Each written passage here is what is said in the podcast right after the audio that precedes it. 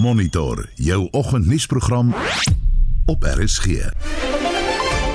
In vanoggend se program inwoners van Riverlea suid van Johannesburg vra vir deurlopende polisie teenwoordigheid in die gebied om orde daar te herstel. Die agt lede van die presidensiële beskermingseenheid moet weer in September in die hof verskyn nadat die staat die hof nie kon oortuig om borgtog te weier nie. En 'n afname in renoster stropery soos jy nou in die nuus gehoor het, maar dis nie alles goeie nuus nie. Unfortunately, the first 6 months of this year has continued to show the trend that rhino poaching is moving away from the Kruger National Park to provincial and private reserves. Welkom by Monitor, die span in die ateljee is redakteur Joan Marie Verhoef, produksieregisseur uh, JD Labeskagni en ek is Udo Karelse. Dis 'n groot dag op die sokkerveld en netbalbaan vir Banyana Banyana en die Proteas. 13 veranderinge word aan die Springbokke se begin 15-tal gemaak vir Saterdag se opwarmingswedstryd in en teen Argentinië en op die tennisbaan struikel beide Suid-Afrikaners in die eerste ronde van die Washington Ope. Ek is Shaun Schuster vir RSG Sport. Nou ek is seker Banyana en Proteas gaan later vandag heel bo aan die lys van hitsmerke verskyn, maar tans is die hitsmerk Lock Him Up reg oor die wêreld een van die mees besproke hitsmerke van die voormalige Amerikaanse president Donald Trump.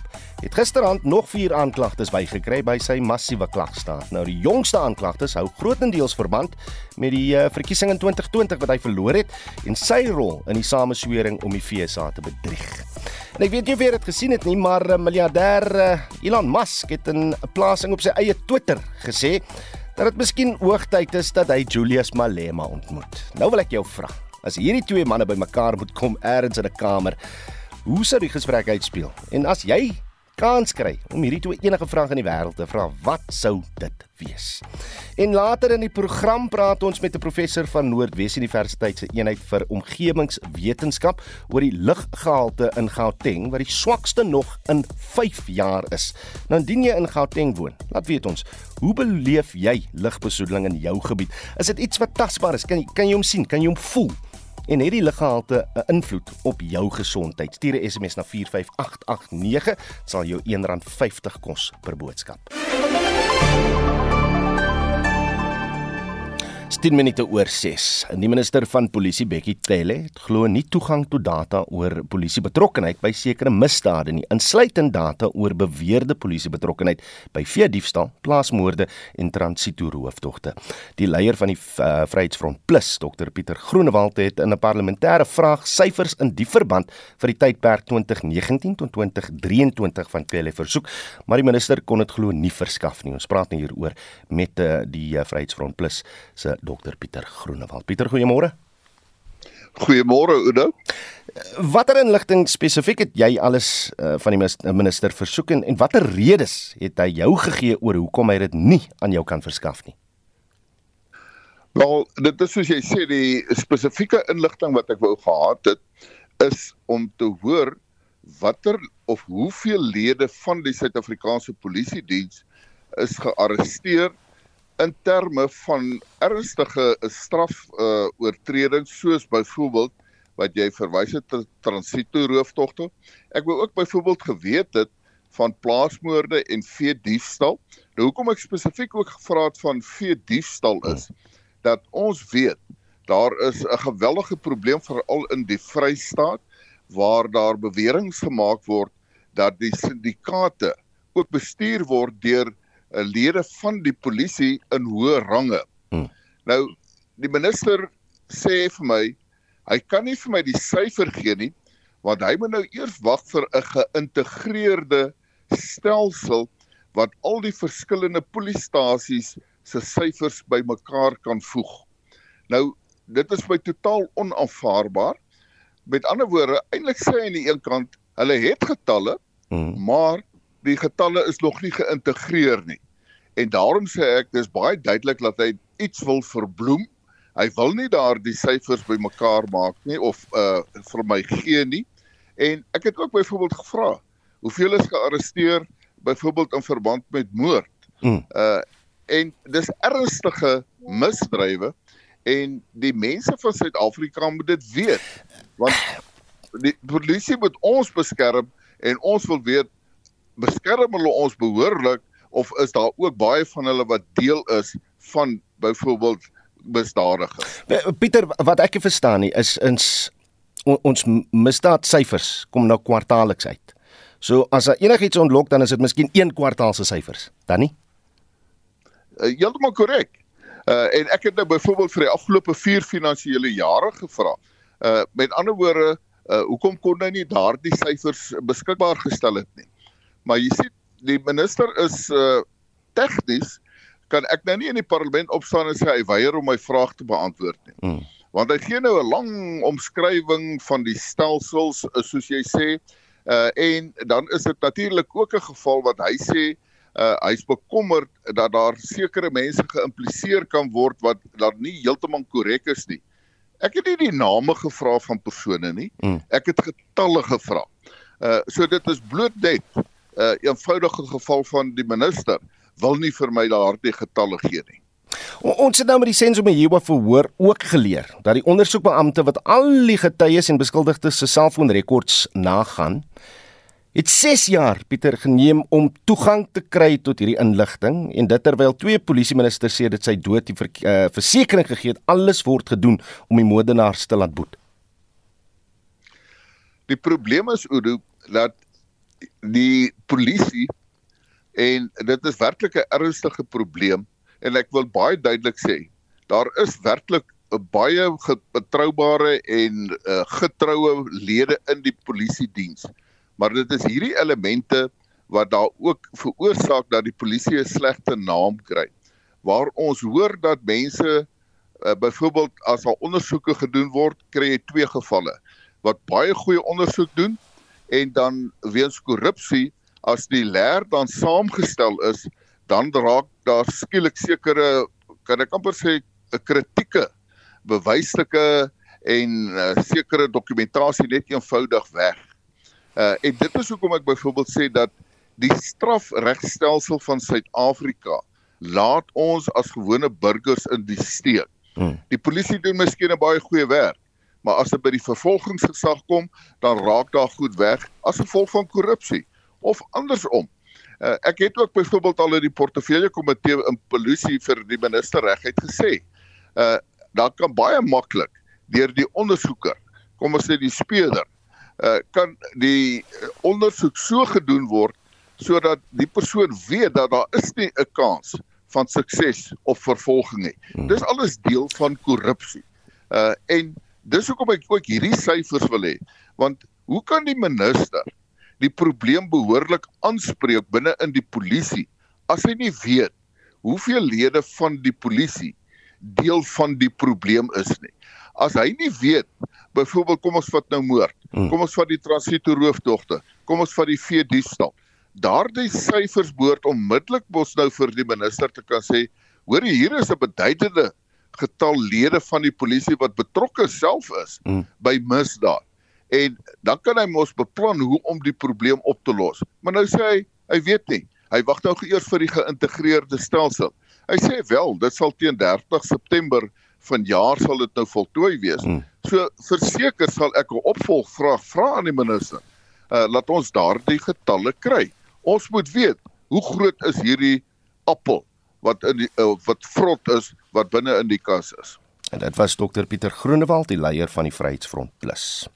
Intussen beplan Action SA optog na die minister van Polisie Bekkie Cele se kantore oor die swak toestand van die land se polisiestasies en die tekort aan polisiehulpbronne.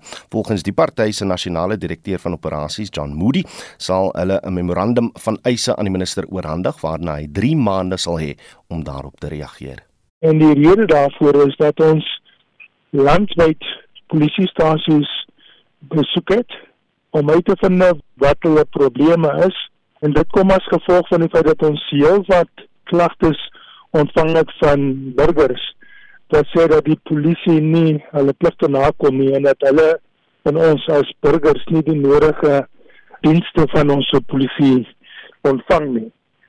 En dit gaan ook oor die feit dat daar nou onlangs soos ons gesien het op YouTube polisiebeamptes in die VIP protection unit wat die adjunct president vervoer het hoe hulle drie gewone burgers ook aangerand het.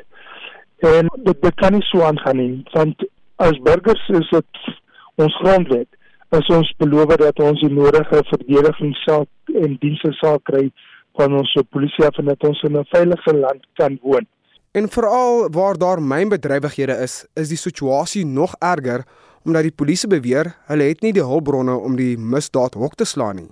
En dit gaan ook oor die situasie in verband met illegal mining, zamazamas, wat reeds hier so op, op die suiderrand van Johannesburg plaasvind, maar ook daar in ander plekke soos in Kroonstad, Randburg en ook in Noord-Kaap.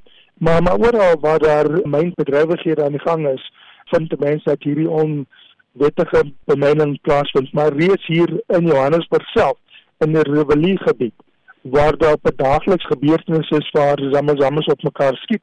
Maar weer eens glo die mense en ek glo ook nie dat hy sy belofte sal nakom nie want dit lyk vir ons asof bietjie kwelle net daarvan hou om op die koerante se voorblad te wees en ook in die media te wees maar uh, sover as wat hoe is die plek daarna kom dit los vir ons baie uh, toe om te sien dat ons uh, beter dienste van hom ontvang. Ek het al tevore klagtes ontvang van burgers wat 'n klag by die polisie gaan aanmeld, maar wanneer hulle 'n jaar later 'n opvolg doen, dan het Oopot nooit hierdie saak teen hierdie polisiebeamptes ontvang nie. Man ja, ek hoor jou, ek sit ook met die feit dat die dit amper dieselfde situasie in my familie waar daar onlangs 'n seun van my familielede aangeraan deur polisiebeamptes. Maar ek moet ook net net vir u sê, ek glo stellig vas dat die oorweldigende meerderheid van die polisie beamptes wel net hulle werk wil doen en dat hulle graag 'n verskil wil maak. Met met hierdie ondersoeke na polisiestasies toe dan vind jy mens baie dikwels dat die polisie self hulle self in 'n situasie vind waar hulle nie hulle pligte kan nakom nie. En as gevolg van die feit dat hulle nodige hulpbronne het nie, dit is vervoer, dit is vuurwapens.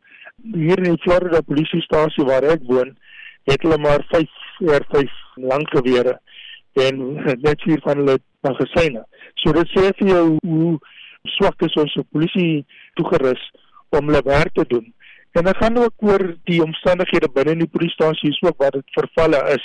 Maar ek vra altyd vir hierdie polisiebeamptes wat graag 'n verskil wil maak. Wat doen hulle wanneer hulle sien dat hulle kollegas besig is om voet in eie hande te neem in die sin dat hulle 'n law to themselves is en wat onreëlmatig self optree en wat hulle uniforms gebruik as ATMs. Wat doen hulle daaromtrent? Want daar wat ons nodig het is dat goeie mense moet stil staan en niks doen en dan sal hy die slegte uh, elemente dan die, die operant het oor ons. En John, wat is die reëlings nou vir môre se optog? Ons het nou die toestemming gekry om na die minister se kantore toe te stap. Dit is 'n Gauteng gebaseerde optog want uh, jy weet dis om mense hier in Gauteng daar te kry. Dit gaan ook oor die geldelike hulpbronne En dit was John Moody, Action SA se nasionale direkteur van operasies wat met ons Vincent Mofokeng gepraat het. Inwoners van Riverlea suid van Johannesburg vra dat president Cyril Ramaphosa en die minister eh, van polisie Bekkie Cele veiligheidsmaatreëls in die gebied verbeter. Dit volg nadat minstens 5 mense in Riverlea in die Zamimpilo in formele nedersetting dood is in 'n skietery wat vermoedelik tussen strydende groepe onwettige myners uitgebreek het. Vincent Mofokeng berig dat die gemeenskap ontevrede is met die polisie se ontplooiing in die gebied.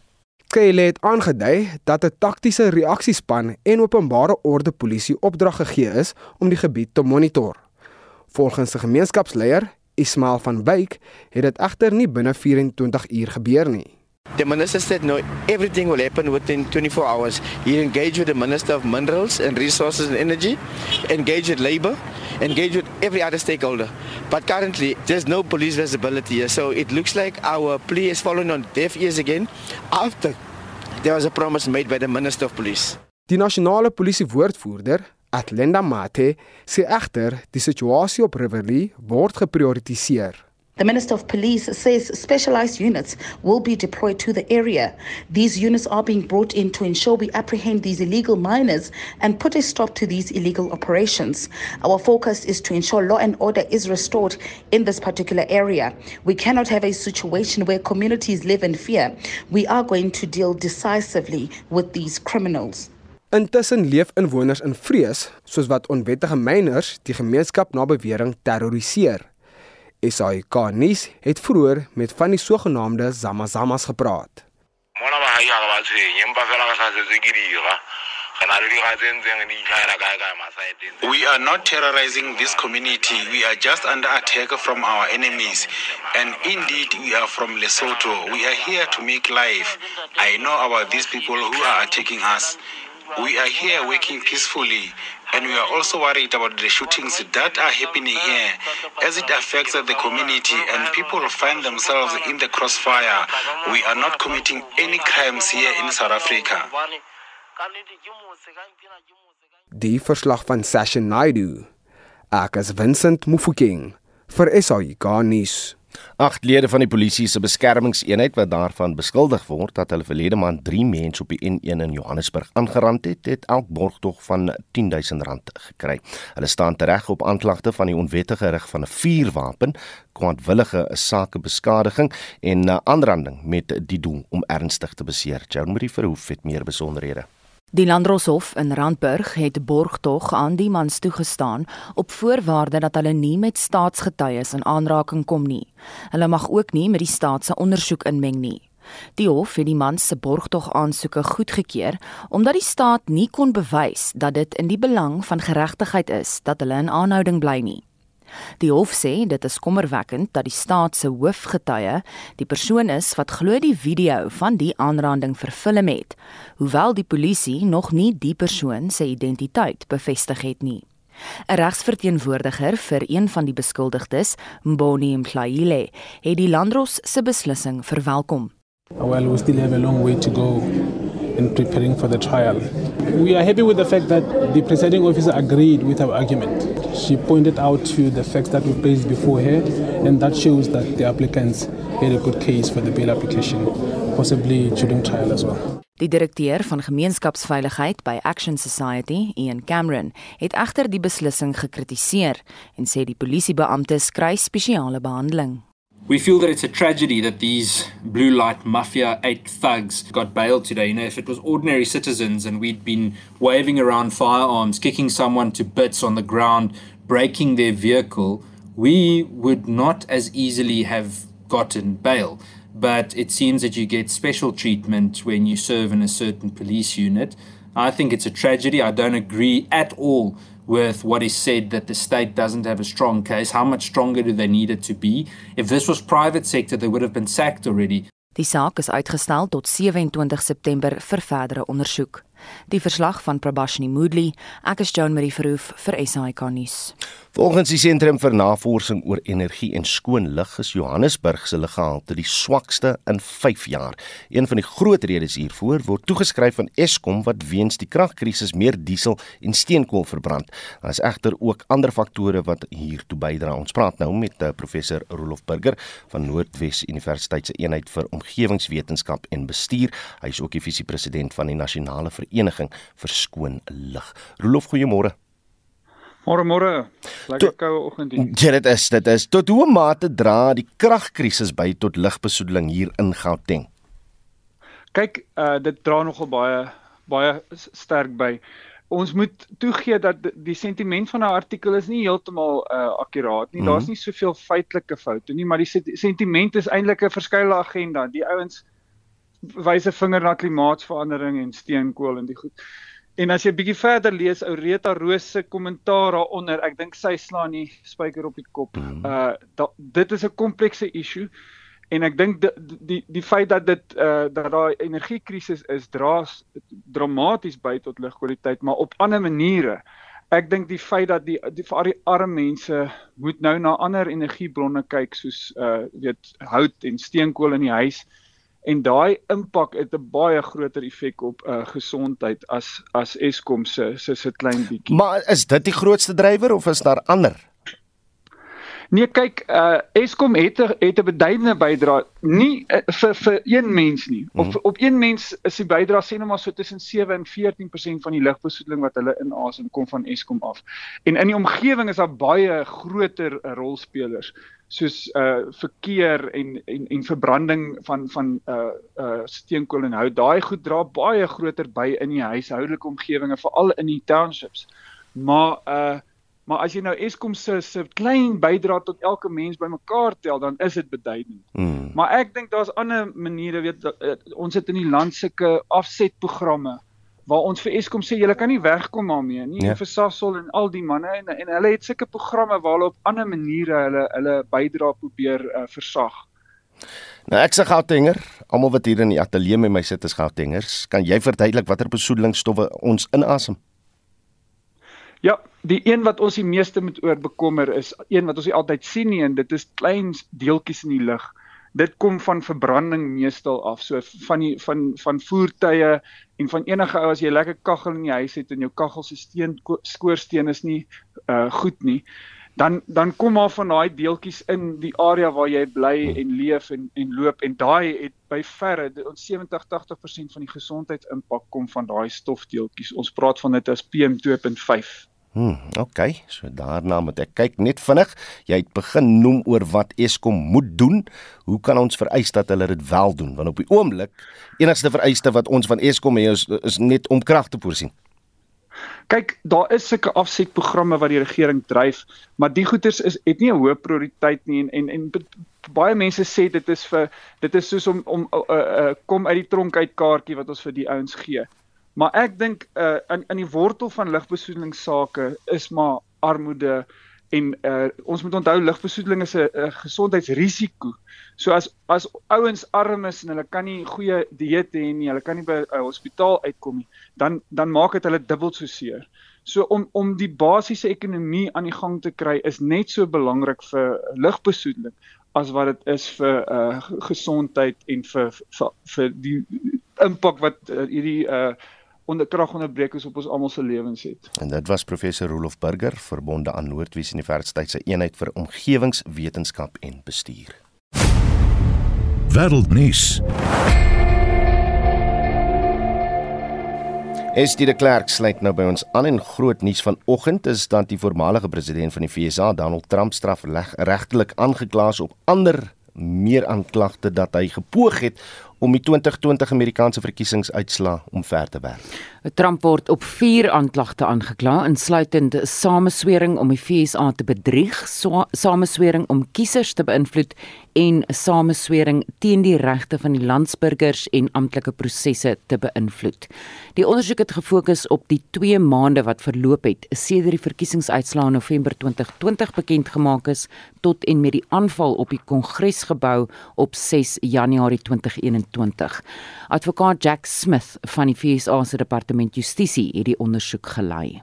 The attack on our nation's capital on January 6th, 2021 was an unprecedented assault on the seat of American democracy. As described in the indictment, it was fueled by lies. Lies by the defendant targeted at obstructing a bedrock function of the U.S. government, the nation's process of collecting, counting, and certifying the results of the presidential election. En dit was advokaat Jack Smith van die FSA se departement justisie wat die ondersoek gelei het. Nou Trump moet môre in Washington DC in die hof verskyn en hy het die keuse om in persoon of virtueel in die hof te verskyn en hy sal na verwagting gevra word om op die aanklagte te pleit. Hy ontken egter dat hy enigiets verkeerd gedoen het en het die aanklagte teen hom op sosiale media as belaglik afgemaak. Dit is die derde hofsaak teen hom. Hier is die BBC se Naomi Iqbal.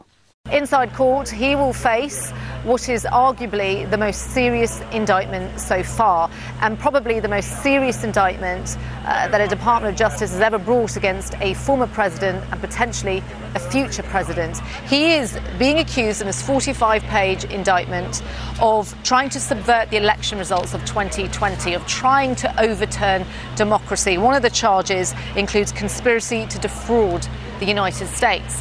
Now, Mr. Trump has dismissed this indictment as he has done with the previous two, saying that this is a political witch hunt. This is the Department of Justice being weaponized by President Biden in order to stop him from running for the White House. Unsubstantiated claims that he's made. En dit was die BBC se Naomi Ekpong. Die Republikeinse party ondersteun Trump soos wat hulle hom ook ondersteun in al sy ander hofsaake en hy bly die voorloper in die presidensiële verkiesingsveld tog vir die Republikeine. Die Kongres het ook sy eie ondersoek gelei en Timothy Heafy was die hoofondersoeker wat die deel van die ondersoek gelei het. Die 48 bladsy dagvaarding wat teen Trump uitgereik is, vervat inligting dat hy mede-samesweerders gehad het. Nou hulle gedrag word beskryf en hoe hulle opgetree het, maar geen name word genoem nie. It's obvious that it's Rudy Giuliani, that it is John Eastman, that it is Sidney Powell, some of the lawyers that helped him devise this multi part plan to submit fake elector certificates from various states to put pressure on state officials and the vice president to change leadership at the Justice Department. Jeffrey Clark's another conspirator. So, again, these are names that we identified very specifically over the course of the select committee work. They are understandably named as co conspirators. En dit was Timothy Heafy van uh, wat die FSA Kongres se ondersoek na die gebeure in 2021 gelei het. Die verslag kon maar net sowel die name genoem het. Uh, nou verskuif ons die fokus na Parys in Frankryk waar die eerste Europeërs aangekom het uh, wat uit Niger in Wes-Afrika ontruim is. En altesaam 262 mense was aan boord van die Franse vlug en Frankryk het begin om sy landsburgers uit Niger te ontruim nadat die Franse ambassade verlede week deur ontstoke betogers aangeval is, die buitemure van hierdie ambassade is aan die brand gesteek, maar Frankryk sê daar is geen plan om sowat 1000 Franse soldate wat in Niger gestasioneer is te ontruim nie. Duitsland en Italië het ook begin om mense te ontruim. Dit was Estie de Klerk met 'n oorsig oor vandag se wêreldnuus gebeure. Monitor. Jou oggendnuusprogram op RSG. 6:34 in die hoofnuus gebeure verdeeldheid oor die politieke situasie in Niger. Kaapstad se opgaardamme is 100% vol en kunsmatige intelligensie word ingespan om te help met die vroeë diagnostisering van pasiënte. Bly ingeskakel.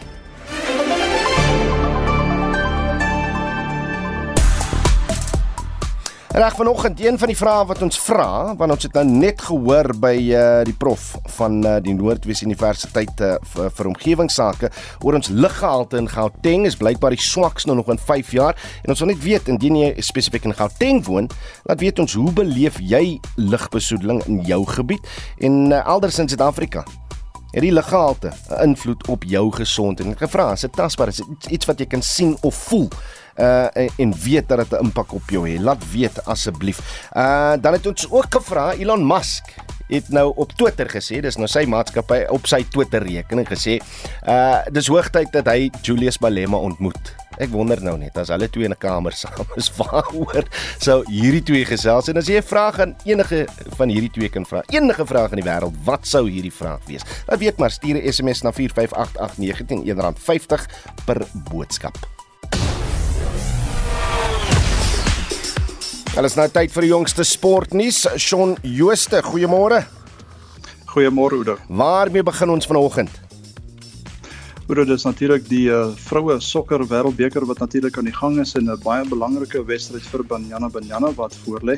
Nou hulle meet vanoggend 9uur teen Italië kragte en hoe die wedstryd wen terwyl die uitslag tussen Swede en Argentinië ook dieselfde tyd belangrik is. Die wedstryd vind ook 9uur plaas. Nou Suid-Afrika en Argentinië het beide 1 punt en Italië het 3 punte en dan vanmiddag 12uur kom Frankryk teen Panama en Brasilië teen Jamaica te staan en dit is slegs Panama uit daardie vier wat reeds uitgeval het. Ja, is fantasties. Ons staan aan die beginpunt van Vroue Maand. Panjana speel vanoggend uh, en die Proteas hulle speel vanaand. Ja, die by die netbal wêreldbeker is daar 'n paar wedstryde vandag vanoggend 11:00 pak Uganda en Wallis en dan vanmiddag 4:00 Jamaica en Trinidad en Tobago mekaar en dan vanaand 6:00 pak uh, Nieu-Seeland en die Proteas mekaar. Nou die Proteas kan nie bekostig om hierdie wedstryd te verloor nie. Dit sal 'n einde aan hulle halfeindstryd drome bring en ek sien ook haar organiseerders het gister aangekondig dat alle kaartjies vir Sondag se eindstryd uitverkoop is en die halfeindronde is blykbaar so 90% uitverkoop. Die bokgroep vir die opkomende wêreldbeker in Frankryk word oor 6 dae bekend gemaak. Intussen kry 'n paar spelers kans om die afrigspan in Saterdag se opwarmingswedstryd teen Argentinië bietjie te beïndruk. Ja, daar is 13 veranderinge aan die begin 15tal aangebring. Nou Damian Willems is die heel agter en Makazole Mapimpi kry 'n tweede kans op linkervleuel. Jasper Wiese is die agste man en Dion Fourie kan ook sy staal wys in die nommer 6 stry. John Klein is terug in die op die slot en dan die hakker Bonkie Benambi sal die span aanvoer en dan Gerard Steenkamp kan moontlik sy debuut van die bank af maak en Jean-Luc Depree dien as dekking vir die slotte en ook die flanke. Reg in tennis is die Washington Ope tans aan die gang. Uh, hoe vaar ons Suid-Afrikaners daar? Ja, beide Suid-Afrikaners het ongelukkig al eerste ronde wedstryde verloor. Lloyd Harris het 6-4 en 6-3 teen Shoshima Bukuro van Japan en Kevin Anderson 6-4, 6-7 en 6-1 teen die Aussie Jordan Thompson verloor. En dan uh, sluit ons af met 'n bietjie cricketnuus. Ja, die The 100 soos hulle daar in Engeland noem het nou gister begin en uh, daar is 3 Suid-Afrikaanse mans en 6 Suid-Afrikaanse vroue spelers in vanjaar se toernooi. Nou die mans toernooi, die Trent Rockets, die Southern Brave met 6 lopies uitoorlê. Elias de Ploy het 29 lopies vir die Brave bymekaar gemaak en dan in die vroue toernooi het die Brave met 27 lopies teen die Rockets geseëvier. Die Protea speler Chloe Tryon het op 23 nie uit nie geëindig en vir die Rockets het Lazelle die 11 lopies aangeteken. Dit dan uh, Shaun Jooste van RSG Sport.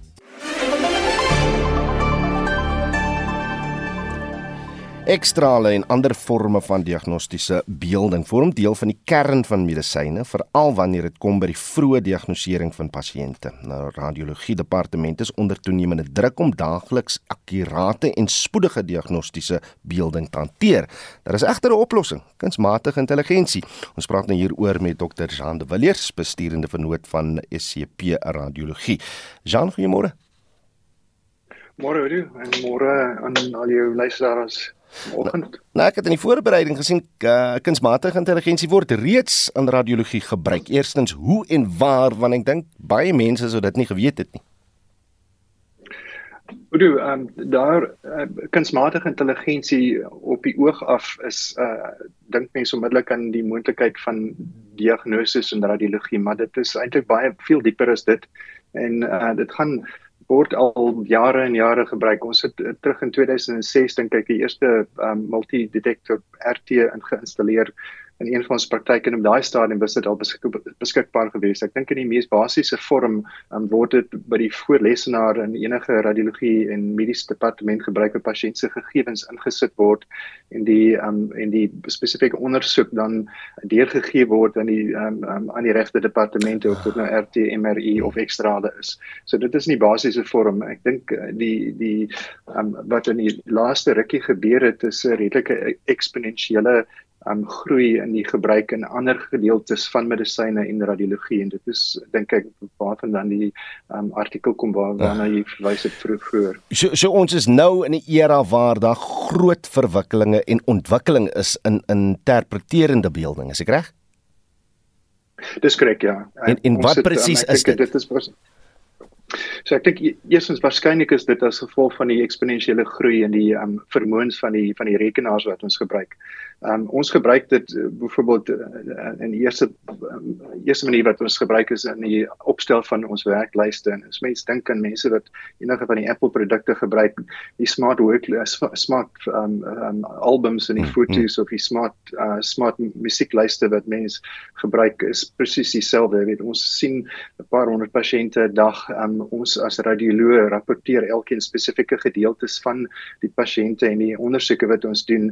Um, en uh, uh, kunsmatige intelligensie in ons praktyk het die vermoë om daai werkslyste nou vir ons uit te werk. Ons voorheen moes sit en kyk na 100 uh, uh, um, ondersoeke op 'n lys en en besluit watter van daai ondersoeke ons self moet interpreteer of of of lees ja. sal kunsmatige intelligensie dit nou vir ons of namens ons doen. Sodat as ek op die lys kyk is dit net die ondersoeke wat ek self moet doen. Mm, en dit spaar my natuurlik tyd en dit is weer eens as ons teruggaan na jou openingsopmerking ons uh, die toename in radiologie in die laaste laaste paar jaar is eksponensieel verskeie redes daarvoor Ehm um, weet ons het toenemende beelde wat ons interpreteer uh, toenemende werksvolumes um, en, en ons sien dit op die agtergrond van 'n nasionale en internasionale tekort aan radioloog. So mm. enigiets wat ons meer effektief en meer produktief en meer akkuraat maak is is 'n groot voordeel. Ek dink die volgende stap wat ons sien is dat dit nou in die diagnostiese um, sfeer in beweeg het.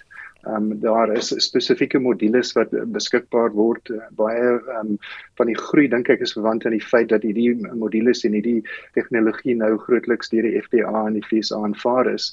Um, en ons gebruik uh, dit in 'n praktiese vorm op die oomblik gebruik ons dit om vroeë of um um breinbloedings byvoorbeeld op te tel. Mm. Um ons kan dit gebruik om om om pneumothoraxe, dis lig lig wat uit die long uit lek op te tel. Ons kan dit gebruik om klonte, bloedklonte in die pulmonale arteries uh, op te tel en dan ook om um vroeë borskankers um en selfs vorms van van van longinfeksie op te tel. Um ek dink die die volgende groot voordeel is in die triage van ons pasiënte. So as ons op weet 10 of 12 uh, RT's uh doen en een van hulle het 'n breinbloeding. Is dit natuurlik 'n lewensbedreigende uh, toestand en ons moet daai ondersoek so vinnig as moontlik um 'n diagnoseer lees in die klinikus in in in in in in kennis stel.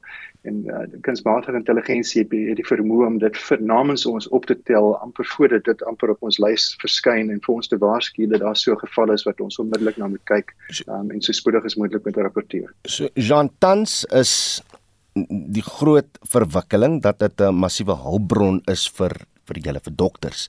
Maar maar ons gaan seker nooit op 'n punt kom waar hy die mensdom gaan vervang in hierdie veld nie, né? Ja, dit is 'n baie goeie vraag en ek dink dis omtrent die algemeenste vraag wat wat wat wat in ons gevra word. So, um ek ek is nou 'n bietjie ouer. Ek kom van van 'n van 'n opleiding van 'n opleidingstyd wanneer ons van die van die beeldingsmodaliteite wat ons nou het was op toe ek opgelei het nog nie eens Eh, beskikbaar nie. So mense weet nooit wat in die toekoms kan gebeur nie, maar op hierdie stadium is ons baie ver uh, van die van 'n punt waar die radioloog deur uh kunsmatige kunsmatige intelligensie vervang gaan word en dit is vir verskeie redes. Die eerste is dat um daar is nog steeds 'n aansienlike uh, menslike inset wat nodig het, nodig is. Daar is uh moontlikheid van vals positief, vals negatiewe ondersoeke in die kunsmatige intelligensie wat deur 'n radioloog um, of 'n geneesheer um, uh, geïnterpreteer moet word. Die tweede ding is dat baie van hierdie um, hulpbronne of of wat um, modules wat beskikbaar is is om na 'n spesifieke ding te kyk. Soos byvoorbeeld as ons na 'n um, um, um, RT van 'n scan van die brein kyk, um, ons het op die oomblik um, um, kunsmatige intelligensie modules wat 'n bloeding kan diagnoseer, maar nie noodwendige tumor of enige ander subtiele goed soos veelvuldige sklerose hmm. of um, of uh, tekens van veroudering ensovoorts nie. Of ons net toekoms daar gaan kom, is tog ons baie onmoontlik om te sê maar op die hmm. stadium is nog baie ver daarvan af. As hy Dr. Jean de Villiers van SCP Radiologie. Jou party Afrika lande wat onlangs gratis graan van Rusland ontvang het, is ook lande waar die Wagner groep betrokke is. Nou toevallig of nie, dis die vraag. Na die staatsgreep in Niger is die vraag weer in die voorgrond, soos wat 'n uh, pro-Rusland gevoel lydens internasionale mediaberigte in Niger posvat. Die eerste vlug wat Franse burgers gehelp het om hulle uit die land te ontruim het intussen in Parys geland met 262 mense aan boord. Marlene Forsie het meer besonderhede. Foto's van Niger se landsburgers wat klere maak van die Russiese vlag word op verskeie media-platforms gedeel en die sentiment in Niger neig weg van die Franse na 'n pro-Russiese een. Liesel Louwodren, 'n senior navorser by die internasionale krisisgroep, is nie verbaas nie.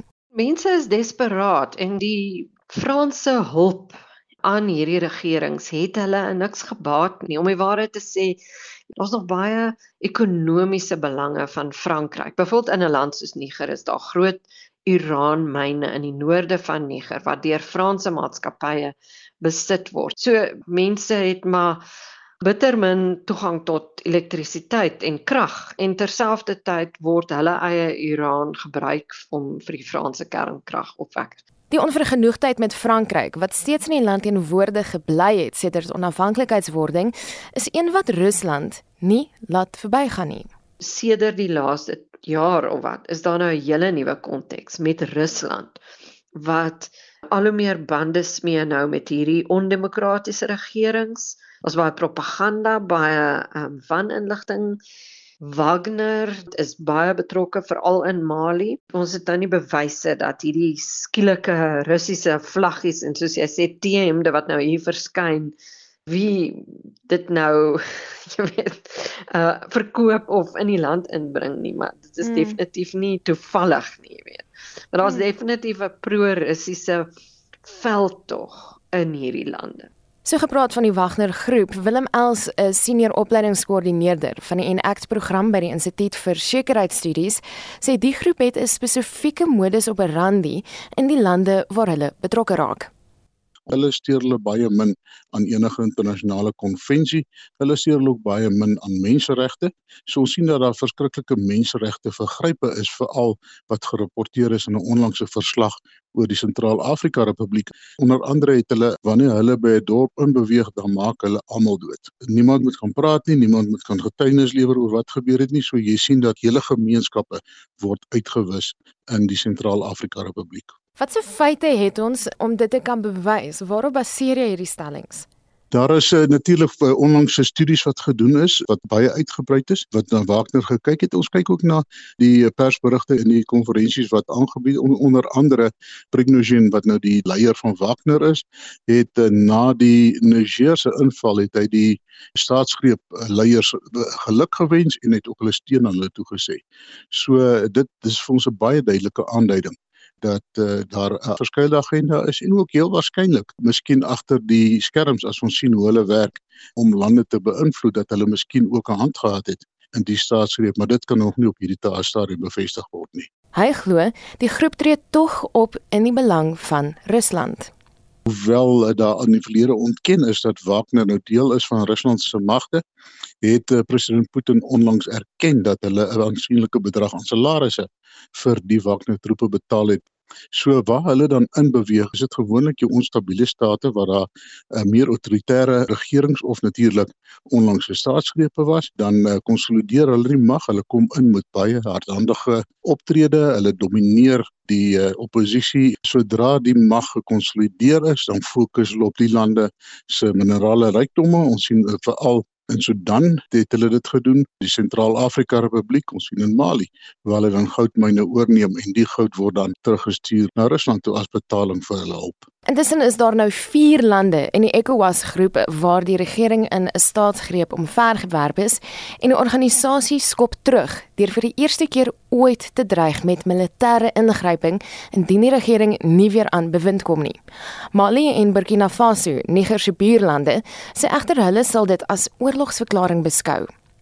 Hulle het al twee staatsgrepe gehad, daar's militêre leiers aan bewind So die staatsgreep wat nou verlede week plaasgevind het in Niger is eintlik vir hulle 'n positiewe verwikkeling. Dit gaan nou beteken dat daar's 4 lande van in Wes-Afrika wat lid is van die Wes-Afrika organisasie ECOWAS waar dan nou militêre leiers aan bewind is. Volgens Lou Woderen is daar erns oor die kwessie. Die voorstander van hierdie militêre ingryping is Nigerië. President Bola Tinubu is die nuwe verkose demokratiese leier van Nigerië en toe hy aan bewind gekom het vroeër hierdie jaar het hy gesê hulle gaan nie meer staatsgrepe duld in Wes-Afrika nie want dit het baie ernstige impak ekonomies, polities, sekuriteitsgewys reg oor Wes-Afrika. Jy kan nou dink byvoorbeeld Nigerië het 'n uh, meer as 1000 km grens met Niger. Hulle werk saam met die regering van Niger teen Boko Haram in suidoos Niger op die Lake Chad basin grens. So Nigerië het 'n groot weermag, baie groter as Niger. En daai land is op sy knieë omdat uh, daar is hierdie bedreigings van terreur nou al vir 'n baie lang tyd. Dit was 'n senior navorser by die internasionale krisisgroep Liesel Louwodren. Marlene Forsie is hy kon nuus. En die departement van bosbou, visserry en omgewingsake sê renosterstropery het met 11% afgeneem vergeleke met dieselfde tydperk verlede jaar. Die minister Barbara Krisi sê 231 renosters is in die eerste 6 maande van die jaar veral horings gestroop. Anne Marie Jansen van Vierenburg. Die departement van bosbou, visserye en omgewingsake het 'n inligtingsessie by Sandparke se hoofkantoor in Pretoria gehou. 28 minder renosters is tussen Januarie en Junie vanjaar vir hulle horings gestroop. Krisi sê hulle is versigtig optimisties oor die afname in renosterstropery die jaar. These figures represent an 11% decrease compared with the same period last year.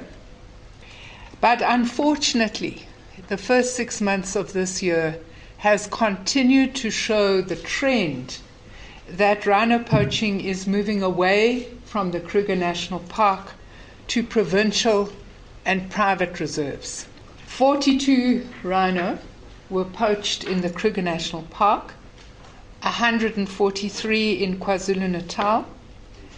46 of the rhino killed were in privately owned reserves, and 143 in provincially owned reserves. Unfortunately, rhino poachers have continued to target Kluhluyum Folozi Game Reserve in KwaZulu Natal, where Izimvelo KZN Wildlife, supported by our department and Isimangaliso Wetland Park, continues to implement a number of measures to combat the scourge. Volgens Krisie is daar 'n verskywing in die patroon van renosterstropery. Heelwat minder gevalle het in die nasionale kreerwiltuin voorgekom. Maar sy sê solank daar nog 'n aanvraag vir renosterhoring is, sal hulle deurdruk met maatstawwe om stropery te bekamp. In strengthening the collaboration between role players in order to effectively address the organized nature of rhino poaching and wildlife trafficking was Cabinet's recent approval in May this year of the National Integrated Strategy to Combat Wildlife Trafficking. This strategy aims to break the illicit value chain of wildlife trafficking in our country and beyond its borders. It represents a commitment by government to direct law enforcement ability and effort and mobilize society to support and address the threat of wildlife trafficking. Although currently our main focus is rhino, the strategy also aims to address the illegal trade and poaching of other species that are threatened and trafficked, like abalone and, of course, pangolin. Die Kreerwiltuin het intussen verskeie maniere ontwikkel om stropery hok te slaan. Dit sluit 'n integriteitsplan vir veldwagters in. Sanparks se uitvoerende hoof, Gapilwe Sello, verduidelik. The problem is socio-economic primarily according to our research and one of the things that we discovered is that our rangers as they live within communities with some of these criminals are often susceptible to bribes or susceptible to threats or a combination of both. And the best that we can do under the circumstances is to build their resilience um, with regards to temptation or susceptibility to take bribes. And we have a new program that we call the Integrity Management Program, which, amongst other things, provides counseling. We always offer counseling, but this one is a different type of counseling. It's financial counseling, debt management, those types of issues to ensure that our rangers, as best as possible, do not find themselves being on the receiving end of bribes because of financial need. Sandparke het ook 'n leenverklikkerstelsel vir nuwe veldwagte rekrute ontwikkel. Dit help ook met anti-korrupsie ondersoeke. Sedertdien het 31 mense al op aanklagte van stropery aan die pen gery. Die verslag van Paul Makubane en ek is Anne Marie Jansen van Vuren vir SAK nuus. En dan het ons nog 'n bietjie tyd om af te sluit met uh, jou terugvoer. Nou waaroor gesels ons vanoggend? Wel, die luggehalte in Gauteng is die swakste nog in 5 jaar. Nou ons vra indien jy in Gauteng woon, Hoe beleef jy lugbesoedeling in jou gebied en elders? Het die luggehalte invloed op jou gesondheid? As ek kyk na die SMS lyn, sê Annetjie van Vanderbijlpark, "Oudo, dit gaan maar rof met my wat sinusitis betref en uh, dan praat ek nie eers van my jukkende oë nie en is dit iets wat met die seisoene te doen het, met die weer buitekant of lugbesoedeling Annetjie? Laat weet miskien daar. Ehm um, dan sê anoniem, ons bly in die noorde van Pretoria en die lug is sleg. Ek sukkel om asem te kry. Die st die stof kan jy letterlik sien verskyn om nie eers te praat van die rioolreuk in my gebied nie. En dan praat 'n paar mense van die bande wat so gebrand word deur mense as daar 'n protes protes optrede is. Uh dra by dit nie by tot besoedeling nie, 'n besoedeling nie absoluut. En dan sê uh, nog 'n anonieme boodskap. Ek bly in Dallery in Noordwes. Mense maak vuur en al braaie elke oggend en die rook trek na my huis. Uh kry partykeer nie asem nie. Dis 'n skande, sê hierdie persoon en dis baie erg. Uh as die die ryk van rook op alles sit. En dan het ons ook gevra, miljardêr Elon Musk vir Julia Julius Malema ontmoet. As hulle bymekaar kom, waaroor gesels hulle nou? Ek sien heelwat van die SMS'e wat voorstel dat Musk Julius Malema maan toe moet stuur. Nou dis eintlik interessant want hy het mos al voorheen gesê dat hy van sy uh, gunsteling mense maan toe wil stuur. Miskien kan hulle almal daar bymekaar kom as Elon Musk 'n plan kan maak. Nou ja, ons groet dan namens ons uitvoerende regisseur Nicoline de Wet, die redakteur vanoggend Joan Marie Verhoef, ons produksieregisseur is JD Labeskag. Nie onthou Vanoggend Banyana Banyana 9uur, vanaand die Protea 6uur. Laat weet op die SMS lyn 45889 hoe jy voel en uh, stuur julle boodskappe van aanmoediging aan ons spanne. Môre weer terug tussen 6 en 7 op monitor. Totsiens.